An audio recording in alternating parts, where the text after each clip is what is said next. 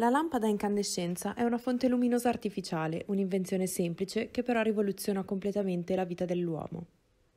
Composta da un bulbo di vetro che racchiude un filamento in metallo, un filo di contatto e un supporto per reggere il tutto, la lampadina sarebbe già funzionante così, ma si è aggiunta una base anch'essa in metallo per adattarla a ogni uso.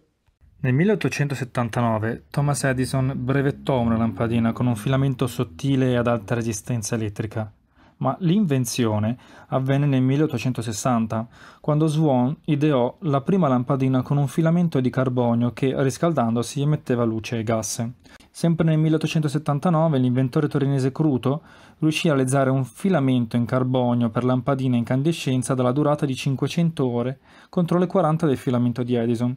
La svolta che però portò alla nascita della lampadina che tutt'oggi viene usata ci fu nel 1903, quando il fisico americano Coolidge sostituì il filamento di carbonio con uno di tungsteno immerso in un gas, realizzando in questo modo una lampadina che garantì un funzionamento fino a 1000 ore di operatività. La vera rivoluzione fu quindi il metallo impiegato per il filamento, il tungsteno.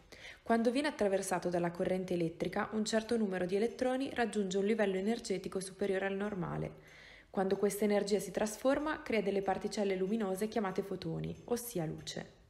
Purtroppo questo processo è molto poco efficiente, infatti in una lampadina incandescenza appena il 10% dell'energia che riceve si trasforma in luce visibile. L'Unione Europea, a partire dal 2009, ha gradualmente vietato la vendita di lampadine a incandescenza perché consumavano troppa energia.